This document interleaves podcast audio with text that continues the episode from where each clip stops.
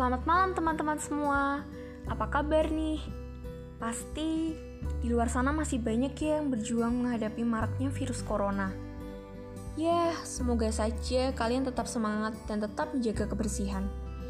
Nah, di podcast kali ini, saya akan menemani Anda bersantai di hari Minggu ini, sekaligus membagikan beberapa tips untuk mengatasi rasa bosan dengan di rumah saja di tengah masa pandemi virus corona.